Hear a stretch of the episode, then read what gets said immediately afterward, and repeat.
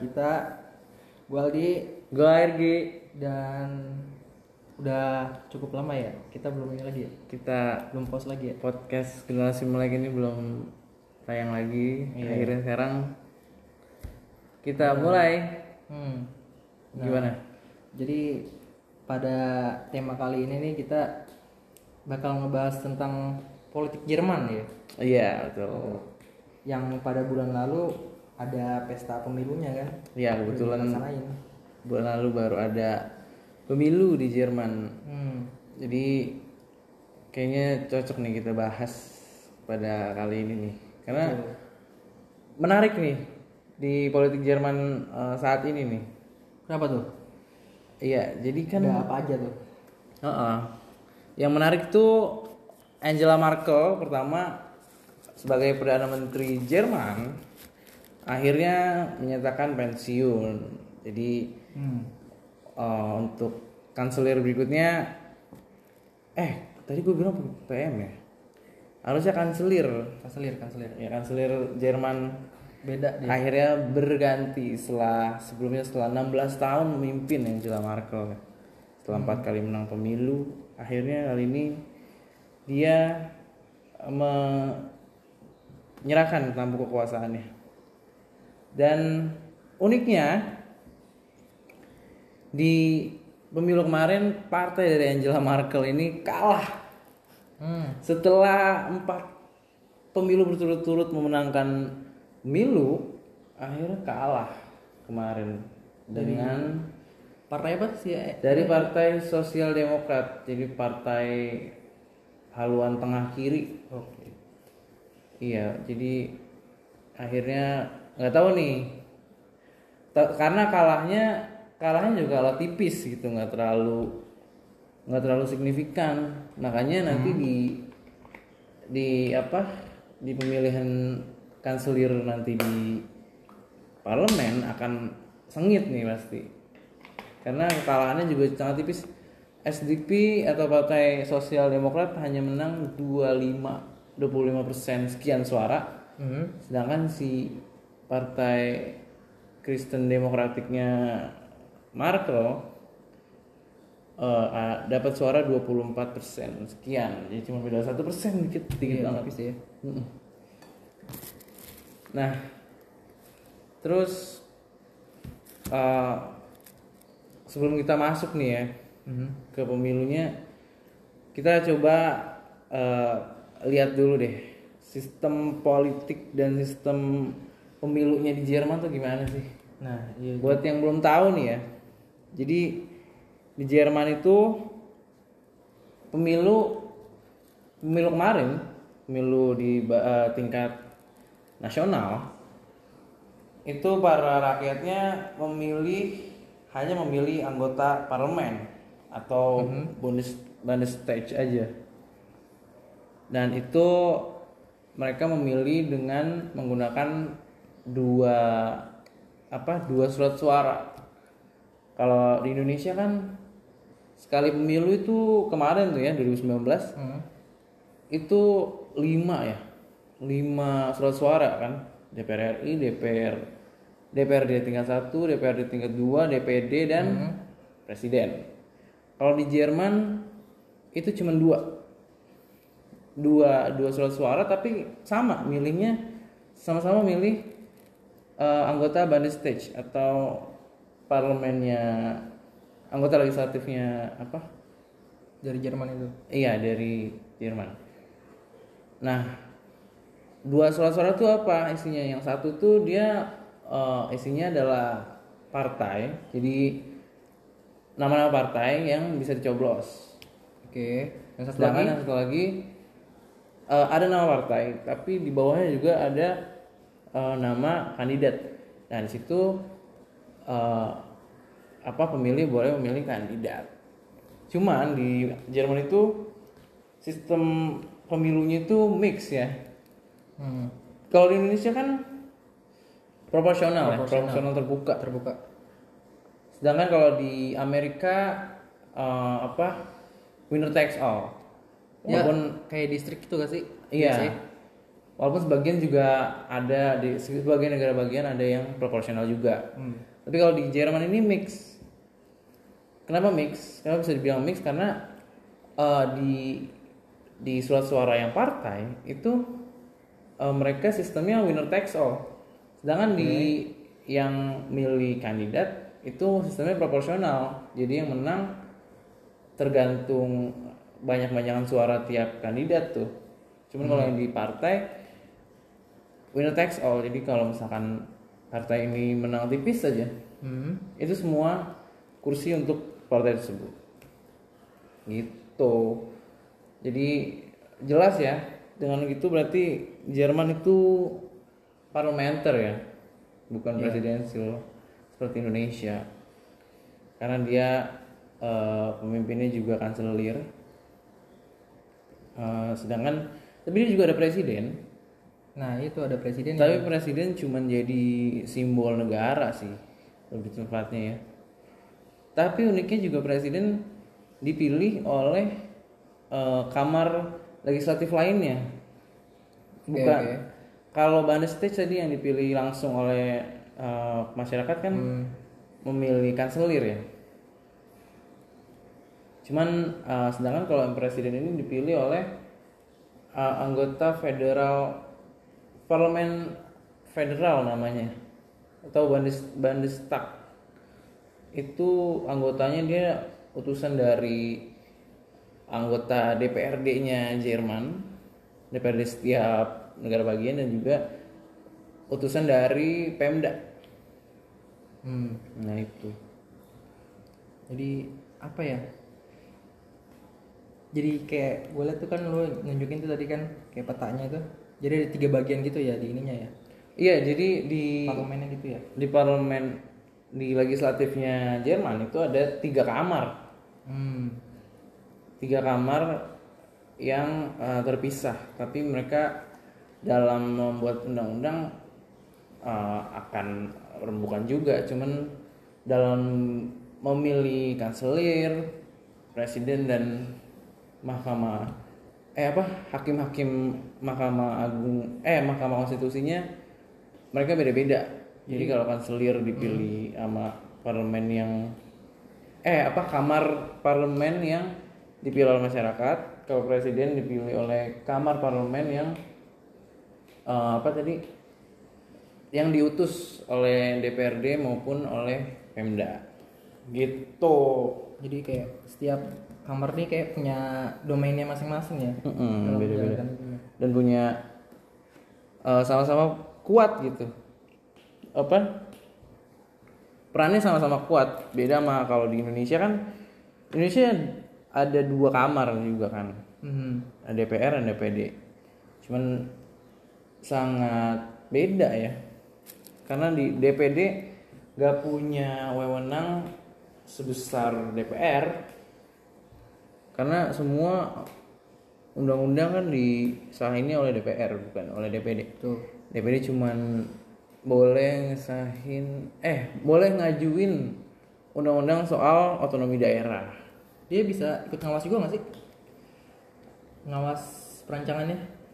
Iya, dia cuman ngawas aja, cuman nonton aja dan ngasih pandangan. Cuman dia nggak bisa punya hak gitu untuk melakukan se- sesuatu terhadap undang-undang tersebut kalau mereka tidak setuju. Kecuali cuman ngasih saran. Oke. Jadi sangat beda lah. Kalau di Jerman pengambilan keputusan semua kamar ikut gitu, ikut punya suara satu one man one vote Nah, gitu. terus yang tadi tuh kita bahas tuh sebelumnya sebelum pembuatan ini video ini eh podcast ini yang apa anggota Bundestag itu kadang bisa sampai berapa ratusan kan kayak lebih banget kan ya 700an ada kali Oh enggak, jadi kalau dicampur tiga kamar itu sebenarnya dua kamar sih. Cuman eh, yang jadi dua kamar sebenarnya. Yang kamar satu tadi yang dipilih oleh rakyat langsung, yang satu lagi kamar yang diutus. Nah utusan ini ada dua macam tapi diutus oleh DPRD dan diutus oleh Pemda. Oke. Nah mereka satu satu kamar tuh yang utus- utusan Pemda sama utusan DPRD nah yang dipilih rakyat satu kamar lagi gitu. Nah iya jadi yang dipilih oleh masyarakat tuh kan cuman berapa ya? Pokoknya iya jadi kalau digabung baru jumlahnya sampai ratus tujuh ratusan. Lumayan banyak ya untuk iya. anggota apa sih di parlemennya itu? Sebenarnya sama sih kayak Indonesia. Indonesia juga di DPR ratusan kan? DPR R DPR RI-nya kan 575 sedangkan DPD-nya 100 berapa tuh? 4 kali 3 4 140-an lah ya. Kan kalau digabung jadi 700 juga. Iya ya iya sa hampir sama lah. Gitu. ya yang gue lihat tuh videonya tentang apa sistem politik di Jerman tuh waktu itu pernah lihat di YouTube Mm-mm. yang dibahasnya tuh kayak ini kadang anggotanya kan bisa banyak banget kan anggota parlemennya gitu kan ya jadi ya sama aja sih ya kayaknya sama ini juga anggotanya Iya. Kayak itu latar belakang sedikit latar belakangnya dari pemerintahan Jerman hmm. biar relate gitu. Nah, kita balik nih ke hasil pemilunya.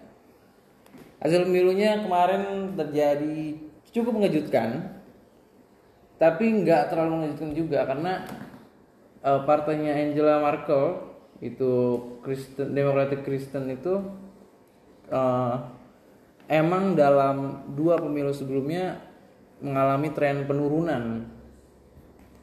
Nah sekarang akhirnya dia mengalami penurunan lagi, cuman ini penurunan terburuk sepanjang sejarah partainya. Karena dia suaranya sampai menyusut hingga cuman 24%. Bayangkan itu tadinya tuh terakhir di 30-an ya. 35, 38 gitu. Dan padahal sebelumnya sempat dominan banget di parlemen Jerman. Uh, partainya Angela itu berapa ini deh apa kan dia terpilih kan beberapa, kali kan Mm-mm. total berapa tahun dah dia kayak ini Iya dia udah empat tahun ber- empat periode berturut-turut selalu memenangkan uh, pemilihan. Cuman di pemilu sebelumnya sempat kesulitan karena menangnya tidak terlalu besar 30 sekian aja. hmm. Jadi dia harus menggait partai lain untuk bisa berkoalisi dengan dia. Akhirnya di pemilu sebelumnya tuh ya, dia ngegait si SDP ini, si Partai Sosial Demokrat yang sekarang menang ini. Tapi waktu itu dengan syarat eh, SDP ini minta kursi Kementerian Keuangan. oke Dan itu, padahal itu kan pos sangat strategis dan secara tradisi eh, CD, CDP, eh, CDU tuh partainya si Angela Merkel tadi tuh selalu memegang posisi itu.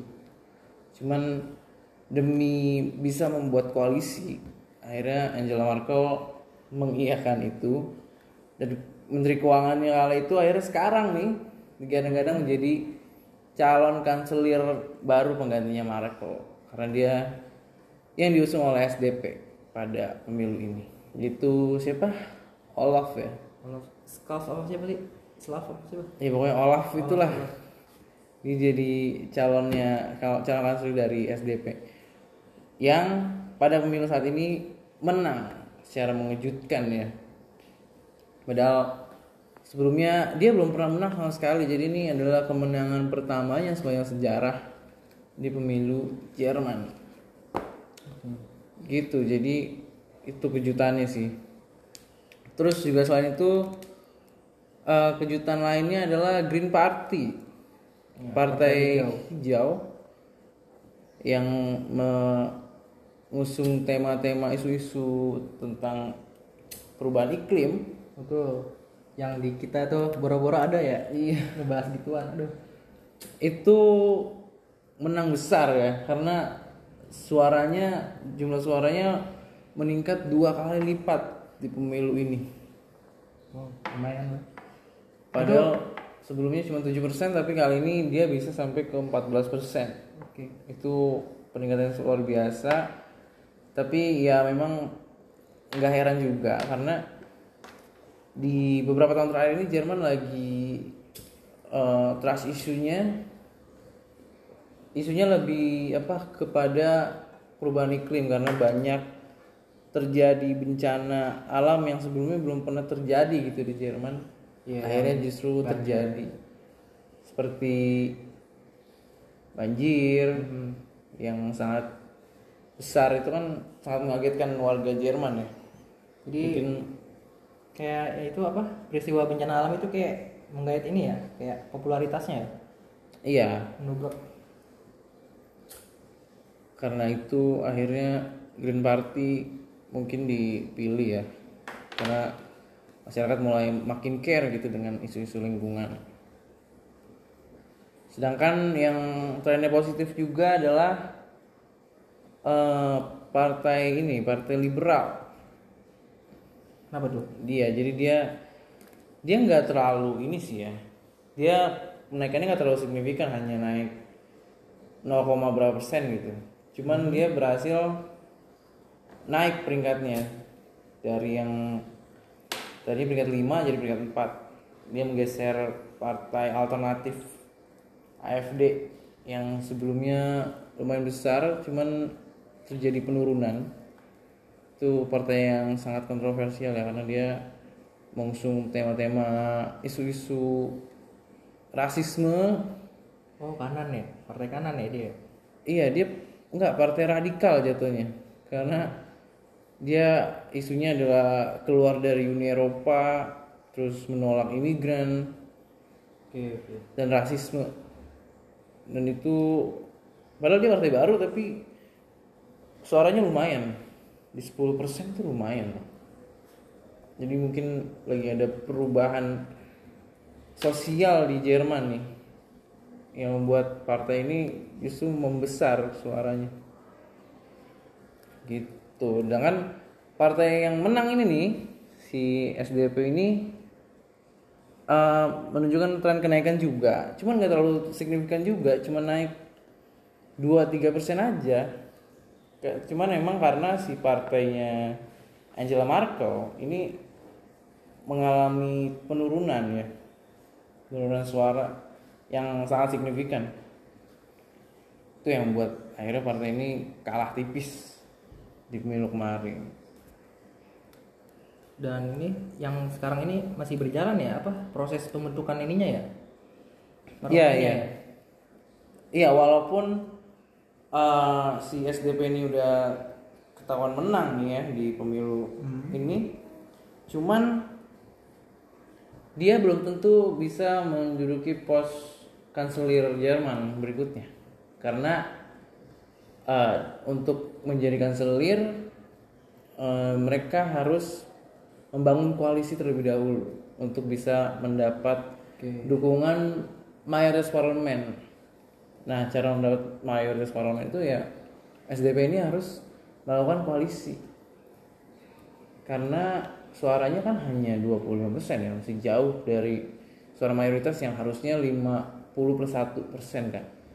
oke Jadi dia harus eh, apa menggait partai-partai lain untuk bisa mendukungnya. Nah itu yang menjadi seru nih karena udah sebulan ini nih Mhm.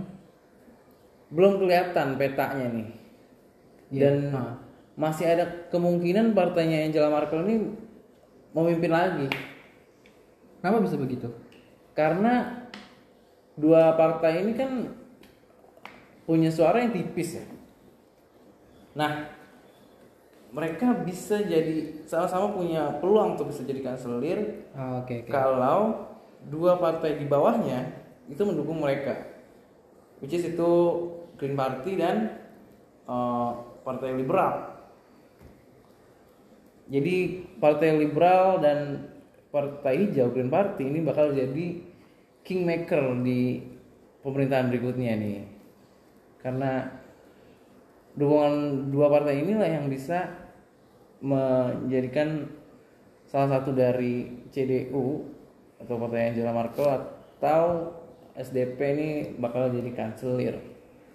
Nah, eh, sekarang ini perkembangannya masih tarik ulur di sana, masih nego-nego sepertinya ya, karena belum belum kelihatan. Mungkin yang eh, ngasih sinyal paling kuat adalah si Green Party. Green Party katanya sih eh, udah mulai deket banget sama SDP cuman si Partai Liberal ini masih ngambang nih karena eh, agak sulit untuk dia bisa bergabung dengan SDP yang SDP ini kan partai yang punya isu tengah kiri ya. Sedangkan Partai Liberal ini kan pro market dan ya dia dia lebih ke tengah kanan. Mhm. jadi itu yang susah sih. Karena perbedaan ideologi yang yang cukup jauh gitu. Nggak terlalu jauh sebenarnya sama-sama ada irisan di tengahnya. Cuman mereka juga kan punya faksi-faksi yang lebih condong ke kiri dan condong ke kanan. Itu yang masih sulit. Dan kalau kita banding di Indonesia ya nggak ada sih. Nggak ada kayak gitu. Iya. di Indonesia koalisi tergantung apa? Bukan tergantung ideologi, tapi tergantung Apa? kepentingan. Iya. tergantung bagi-bagi kursinya doang kan kalau di Indonesia kan. Nah, kalau di Jerman ini masih eh, bergantung pada ideologinya. Jadi kenapa mereka belum bisa bersatu nih, belum bisa menyatukan suaranya karena itu dia apa? Masih kekeh ya sama Oh, oh, idealismenya ya. takutnya, takutnya nanti ketika udah mem- memerintah mereka eh, apa isunya ketika ada isu dia punya pandangan yang berbeda Oke. untuk menyikapinya. Nah itu kalau misalkan ada perbedaan gitu bisa-bisa koalisi pecah di tengah jalan gitu dan akhirnya I see, I see. kalau pecah di tengah jalan bisa jatuh di tengah jalan juga pemerintahannya kan nah itu yang dihindari banget makanya masih masih terus bernegosiasi Jadi bedanya tuh kalau sama di Indo tuh koalisinya ya pragmatis aja gitu ya. Yang Hmm. penting banyak suara gitu. yang penting dapat sesuatu kan Iya, iya. nggak melulu ideologi karena di Indonesia juga kan kayaknya partainya ideologinya tunggal ya semua Pancasila jadi Iya. saya juga sih nah sedangkan si partai liberal ini sama partai Demokrat Kristiani Demokratik partainya Angela Merkel ini sebenarnya punya visi yang mirip ya karena mereka sama-sama tengah kanan sebenarnya. Cuman itu tadi kalaupun mereka bergabung berarti dua-duanya akan sama nih kan? Sama-sama kuat nih kan? Dan belum ketahuan jadinya siapa yang mau berkoalisi karena AFD partai terbesar kelima juga masih tidak cocok dengan dua dua faksi besar ini. Jadi dia dia nggak cocok dengan dua ini pokoknya. Jadi masih tarik ulur. Cuman kemungkinan besar itu dia tadi tergantung partai liberal dan Green Party ini yang bakal nentuin siapa yang bakal jadi kanselir. Dan itu biasanya kompromi-komprominya sih terjadi satu dua bulan sih. Cuman ini udah satu bulan lebih ya. Tapi belum ada apa namanya Belum ada jalan tengahnya gitu ya. iya belum ada keputusan dari kedua kedua pihak. Ya udah akhirnya masih ngambang jadi masih kita tunggu aja ya. Iya. gitu sih paling. Apa lagi ya?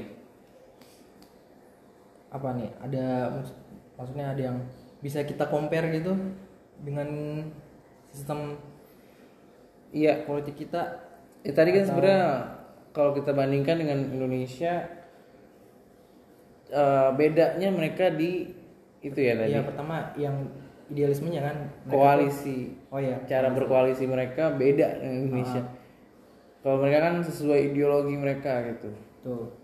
Dan di Indonesia eh, apa? Tergantung kepentingan aja kan. Iya. Karena ada partai Islam ada partai nasionalis tapi ternyata waktu bikin koalisi ya mereka campur-campur aja gitu. Nggak nggak nggak perlu nasionalis harus nasionalis partai agama partai agama gitu. Bedanya di situ. Terus juga eh ya kalau di Jerman kan berarti eh, eksekutifnya dipilih oleh legislatif ya. Dan kalau di Indonesia harus melalui mekanisme pemilu pemilihan presiden ya. Itu sih bedanya iya itu aja sih Oke oke. Jadi yang bisa gua dapet tuh yang pertama tuh ya kalau kalau gue ya gue yang gue baca-baca gue liat video-video tentang pemilu Jerman tuh emang gue ribet aja gitu ng- ngikutinnya. Terus dari apanya tuh cara ininya ya mendapatkan ya untuk membentuk pemerintahannya kan beda kan? Yang Jerman dari koalisinya cara koalisinya beda sama kalau kita compare sama Indo. Terus yang masih jadi isu nih atau perdebatan sekarang nih yang terjadi di Jerman tuh masih ini kan membentuk koalisi kan. Terus partai Green Party sama liberal itu kan jadi penentu kan bagi bagi jadi kingmaker nih nanti nih. Iya bagi dua kubu besar nih yang sedang ya bergelut lah membentuk koalisi. iya. Dan ini yang bikin sulit nih kondisi politik sekarang ini di Jerman karena nggak ada partai yang mayoritas gitu. Pemenangnya cuma menang 25 persen. 20 persen cuma se seperempat ya. Itu yang bikin sulit nih jadi bisa aja nih di pemerintahan berikutnya eh, apa koalisi akan jadi lebih pragmatis sama kayak di Indonesia karena ya kalau mau ngikutin ideologi doang jadinya susah nggak nggak bakal ketemu jalan tengahnya gitu. Jadi mau nggak mau paling ntar bagi-bagi kursi gitu kan. Dan eh, buat politik Jerman sih tantangannya bukan hanya di di koalisi tadi ya tapi tantangannya eh, ada apa isu perubahan iklim di sana Iya. Iya. Jadi, Jadi- tuh kayak sebagai apa sih pemantik buat Green Party buat Hmm. ini ya.